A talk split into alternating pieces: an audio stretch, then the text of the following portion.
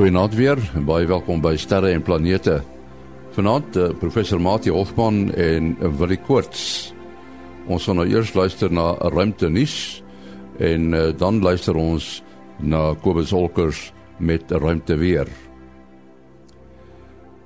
Gaan die FSA sy sin kry dat die maan, planete en ander hemelliggame in wese oopgestel word vir mynbouaktiwiteite deur lande en instansies wat oor die vermoë beskik om dit te kan doen of gaan die bestaande tendens gevolg word om die ruimte as die eiendom van die ganse mensdom te beskou? Soortgelyk as dit wat nou vir Antarktika die oop see en die hoër lugruim geld. Die benutting van die buitenste ruimse minerale sal uiteraard die FSA die meeste bevoordeel weens die land se bestaande ruimtevermoëns Die kwessie het ter sprake gekom weens die snelle ontwikkeling van NASA en privaatmaatskappye se vermoëns wat die vermoë om na die ruimte en weer terug te reis aansienlik meer bekostigbaar maak. President Donald Trump het ook 'n direktief uitgereik wat in wese vroeëre internasionale reg oor mynregte in die ruimte weerspreek. Dit sluit 'n ooreenkoms oor die maan ook in. Trump se direktief sluit die Outer Space Treaty van 1967 in, maar weerspreek dit ook. Benewens die ontginning van skaars minerale, is daar ook belangstelling om nywerhede wat swaar besoedeling tot gevolg het, op die maan te hervestig. Sommige minerale sal as dit 'n werklikheid word, na die aarde toe teruggebring word, terwyl die ander in die ruimte self benut sal word, soos die ontginning van grondstowwe en die omskepping daarvan in boumateriaal of vuurpylbrandstof. Navorsers het vasgestel hoekom die magnetiese noordpool die laaste aantal jare van Kanada na Siberië begin verhuis het. Dit word toegeskryf aan twee groot sogenaamde blobs wat in 'n toutrekkery met mekaar gewikkel is om die blob vasgevang te hou. Blobs word beskryf as areas van negatiewe magnetiese vloei diep onder die aarde op die kors se grens met die mantel. Die magnetiese pool is in 1831 gevind. Die magnetiese pool het jaarliks 'n draai gaan loop, maar net met so wat 15 km per jaar. Die meeste wat dit sou beweeg was uiters 60 km per jaar. In Oktober 2017 het dit die internasionale datumlyn verbygesteek en die oostelike halfrond betree. Tot sover ruimte nuus wat geskryf is deur Herman Torin in Bloemfontein.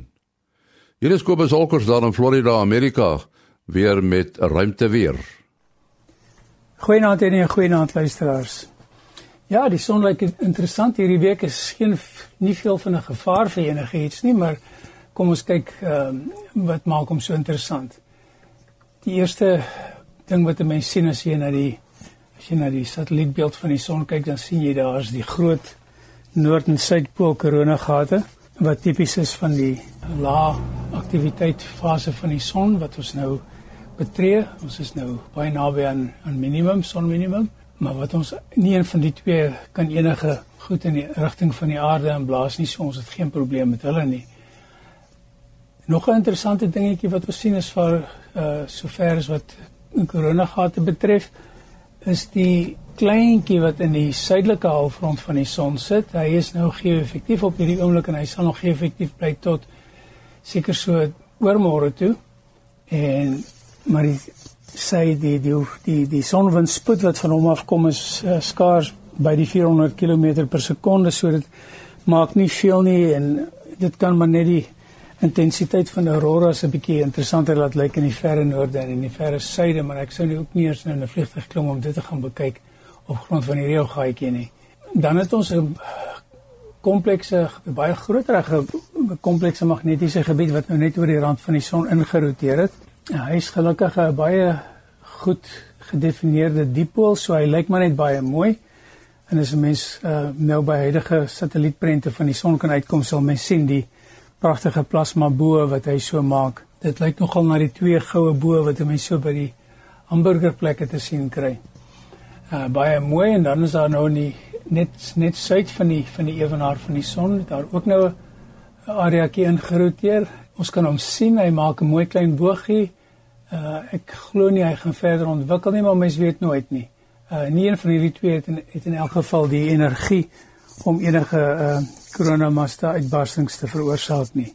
En dan wat die ehm um, wat die filamente aanbetref, uh omdat ons nie veel koronagate aan die sigbare kant van die son het nie sien ons ook nou nie veel filamente nie want die is die goed is gewoonlik so op die randjie van hulle. Daar is is enetjie wat op pad is om af te roteer van die son af, maar daar's met my om betref geen kans dat hy sal of platval of opstyg. Uh, so met ander woorde geen probleem van daai kant af nie en dan kan ek maar net vir almal 'n baie rustige rustige ruimte weer week toewens. Tot volgende week. Dankie Kobus Olkers in Florida, Amerika. Een van die interessante goed maatie is die feit dat uh, dat hulle daar geslaag het om Voyager wat nou baie baie ver weg is weer in die gang te kry. Hoop aarde kry met dit reg. Uh nee, ja, daar is twee interessante nuus items uh oor uh die voyages. Uh kom ons kyk nou net gou-gou oor die uh hoe hulle nou moet kommunikeer met die Voyager 1 en Voyager 2.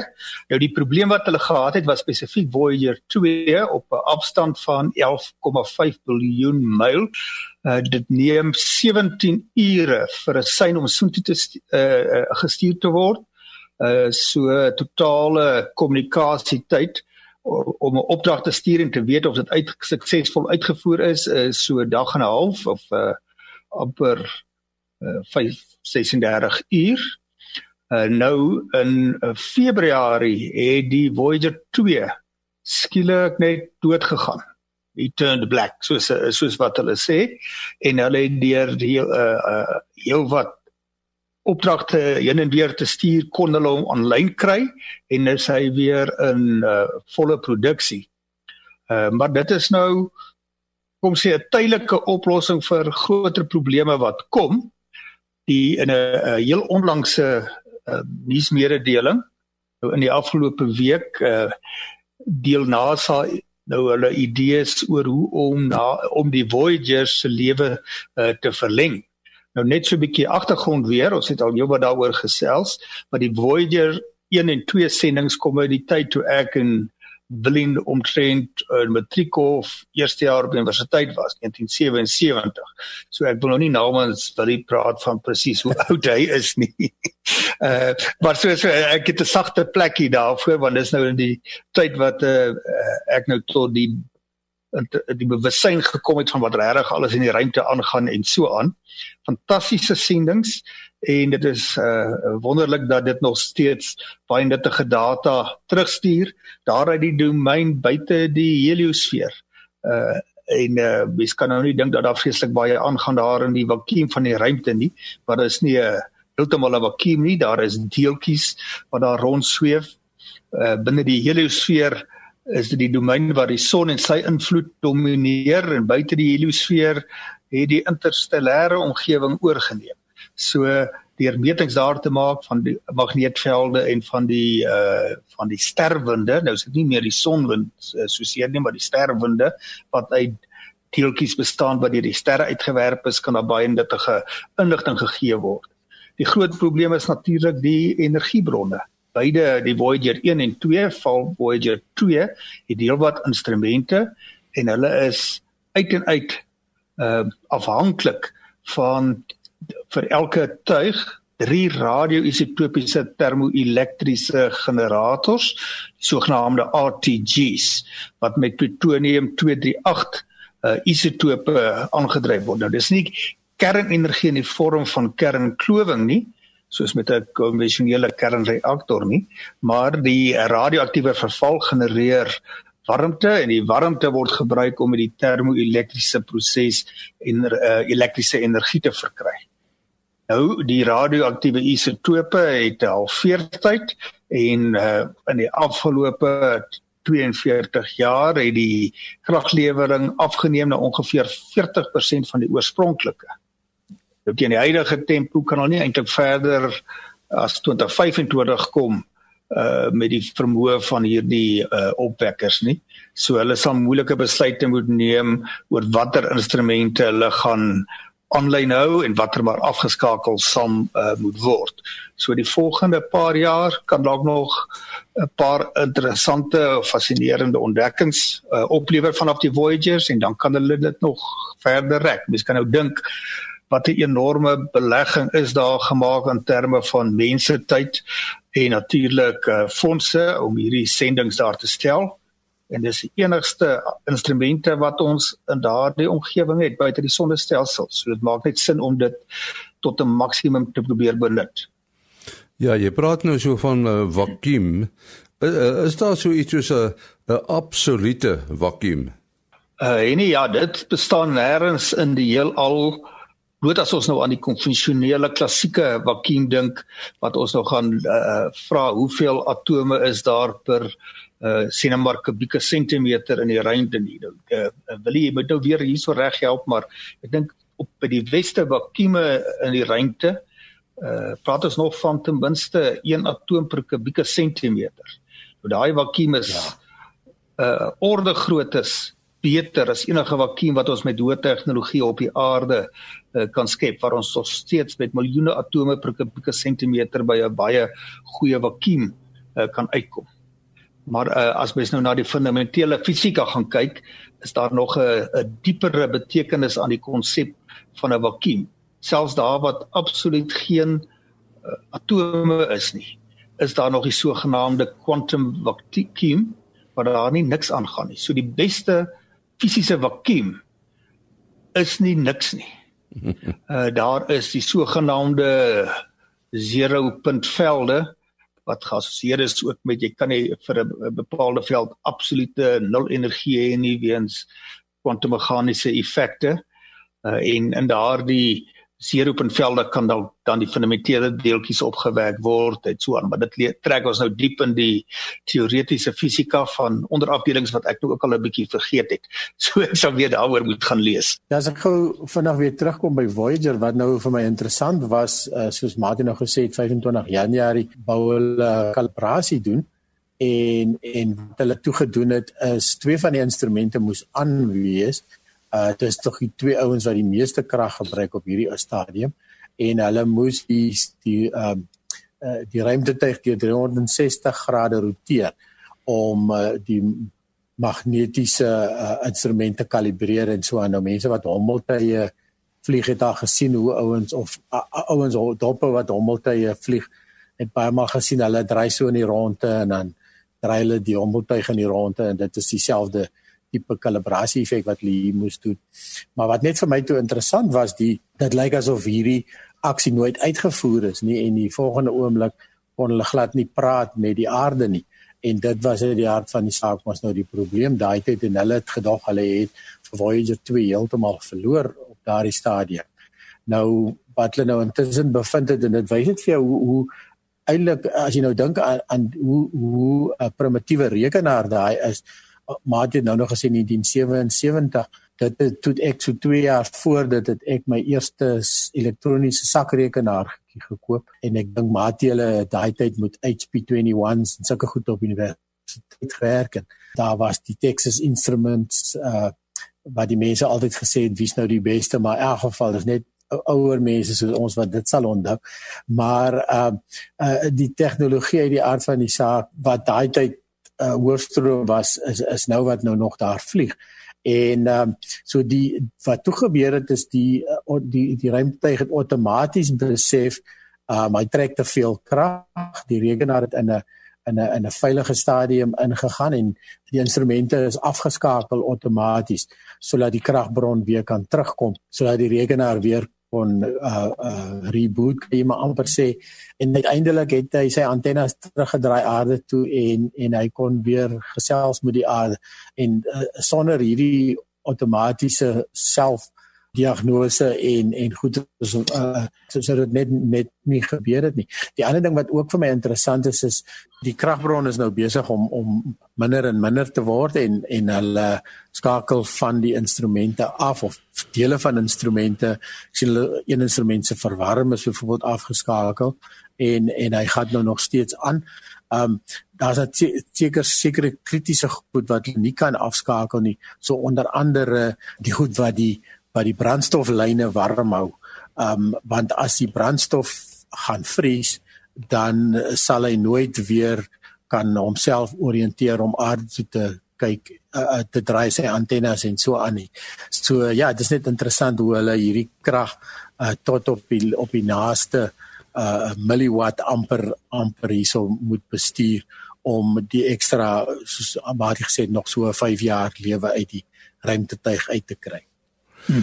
Ja, uh, wil ek net so so opmerking gee om 'n gevoel vir die tyd, die era te hê wat die Voyagers gelanseer is. Jy het nou nou verwys na die sakrekenaars. Uh, ek onthou ek moes in matriek nog van my pa toestemming vra om op die huis se sakrekenaar te werk. In elk geval dat die wat die ingenieurstudente baie trots op was. Hulle het daarmee gespog. My broer was 'n ingenieurstudent daar op Stellenbosch. Is hulle Hewlett Packard sakrekenaars.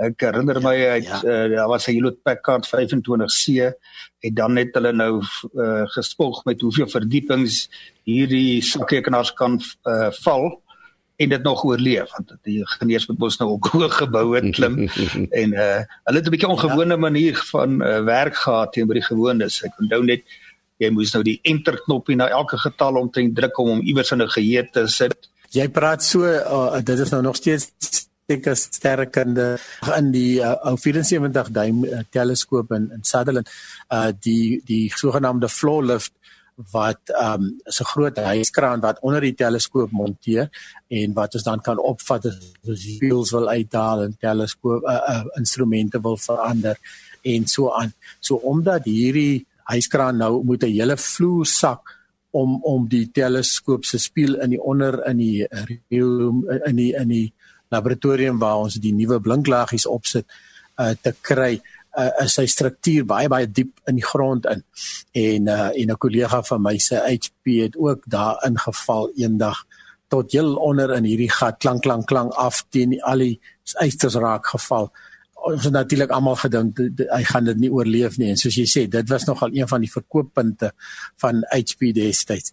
En uh hy ons het die hele vloer laat sak en afgeklou tot onder en so waar die HP het gewerk. Ja, dit lyk my uh, die die mense uh, stel baie belang in die in die Suiderkruis. Daar is twee van die briewe wat gekom het, wil jy wat jy kan beantwoord? Ja, Marikie Reyneke het net eenvoudig gepraat van die ander kruise by die Suiderkruis. Nou ja, mens moet dit eintlik um, met 'n prentjie is maar moeilik oor die radio, maar op die stadium sit die Suiderkruis saans uh, vroeg aand lekker op sy sy.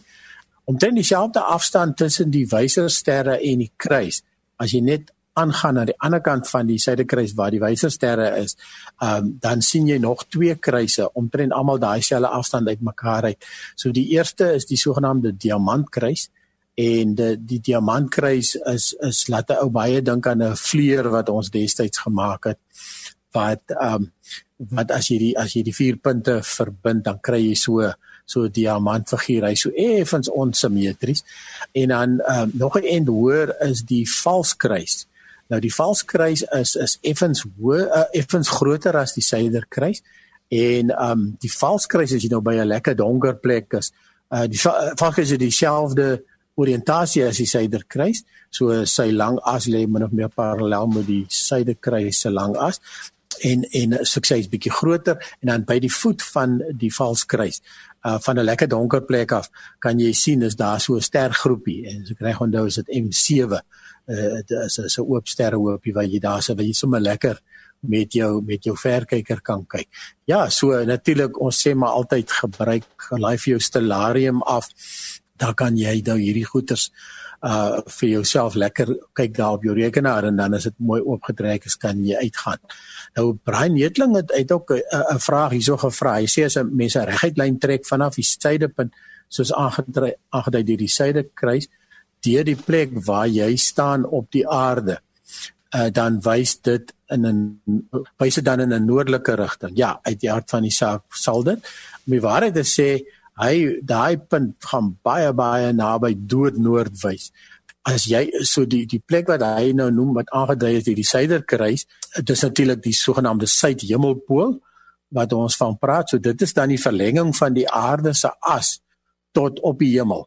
Dan kom ons by die suidhemelpool en dit is ook die pool punt wat altyd stil staan en daar is geen beweging daar of wat ook al nie. Nou as jy nou daai punt weer deur jou posisie vat, dan dan gaan hy nou presies noordwys en dan gaan jy presies parallel met die aarde se as gaan jy dan 'n lyn hê en die lyn gaan uit uit die uiteraard dan uiteindelik na Polaris of die Poolster uh, wat nou wat by die noord uh uh, uh nebelpool sit gaan gaan die wyn uh, die die die lyn dan wys. Ja, ek sien wat wat soek jy wyn of lyn? dis lyn. ja, kort dan wyn. ja, dis ja. dis reg. Uh die die suiderkruis is is die ja. grootste kruisstruktuur uh, wat ons kan sien. Hy's eintlik kleiner, die die so sê die die die valskruis is is dan 'n entjie groter. Daar's eintlik baie baie kruise as jy nou regtig gaan fyn kyk, ehm um, kan jy kruise uit uit uit baie baie vier sterretjies uitmaak. Um die suiderkruis die ware kruis is natuurlik twee goedjies wat hom weggee. Die een is die twee wysersterre wat ons van gepraat het alreeds en dan is daar ook 'n vyfde sterretjie in die suiderkruis wat um wat net so van die meeste relatiewe donker plekke op die aarde nodig uh, uh, sigbaar is. So dit beteken jy kan dan um dan kan hom dan uitken aan daai vyfde sterretjie. Die valskruis het byvoorbeeld nie daai vyfde sterretjie en so ook nie die diamantkruis nie. Ja. Nou en ja, sommer om die uh mense wat nou die mekaar raak so bietjie te help. As ons nou tussen ons maak dit ongeveer 09:30 tot 10:30 afhangende van waar mense in die land is uh vanaand of in die week is die suiderkruis amper op sy hoogste reg suid. So hier in Bloemfontein is dit feitelik uh om 9 so net na 9 uur. En as jy nou ooswaarts gaan, dan sal dit natuurlik nou vroeër wees en as jy weswaarts gaan, dan sal dit nou later later wees.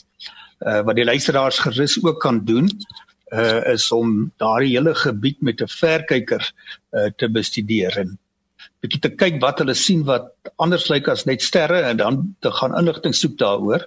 En hulle kan gerus gaan uh soek op die op Google of ander soek engine uh die groot 5 Afrika sterrehemel Big 5 African Sky.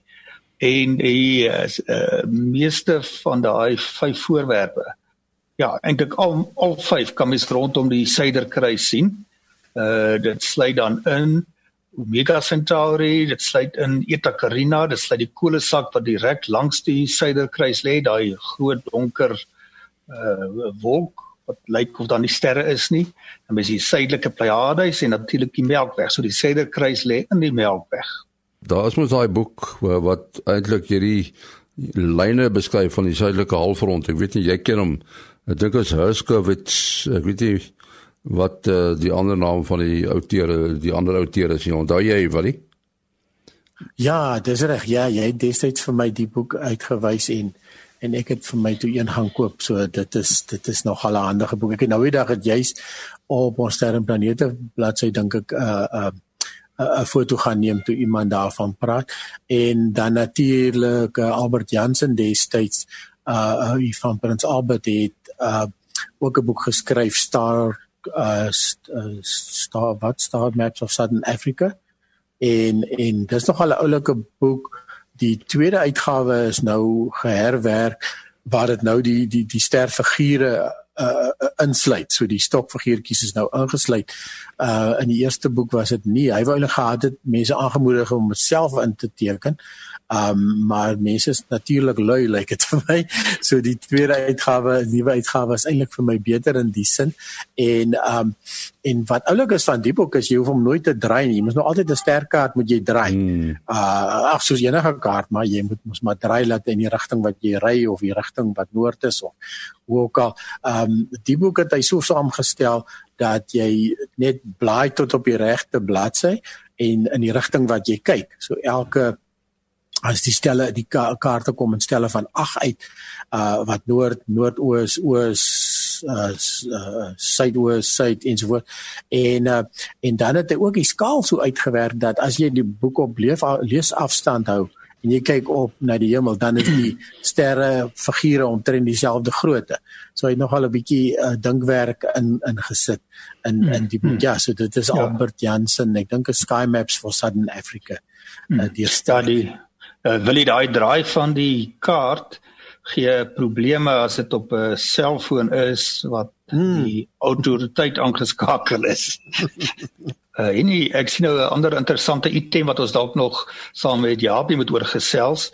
Uh en dit is dat hulle 'n uh, klein satelliet uh, ook 'n sogenaamde CubeSat, so groot soos 'n aktertas omtrent uh, wil toerus met 'n laser wat hulle in die donker kraters in die op die maan val daar rondom die suidpool wil skyn.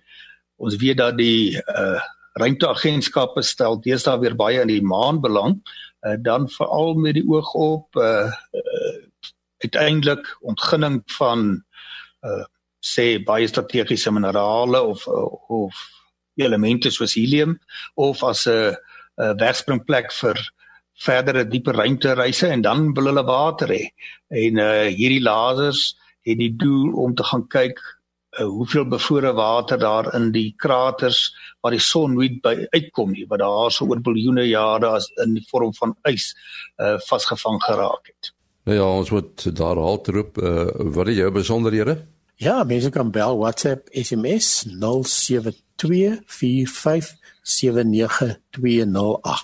0724579208. En dan Mati? 'n selfoonnommer 0836257154. 0836257154.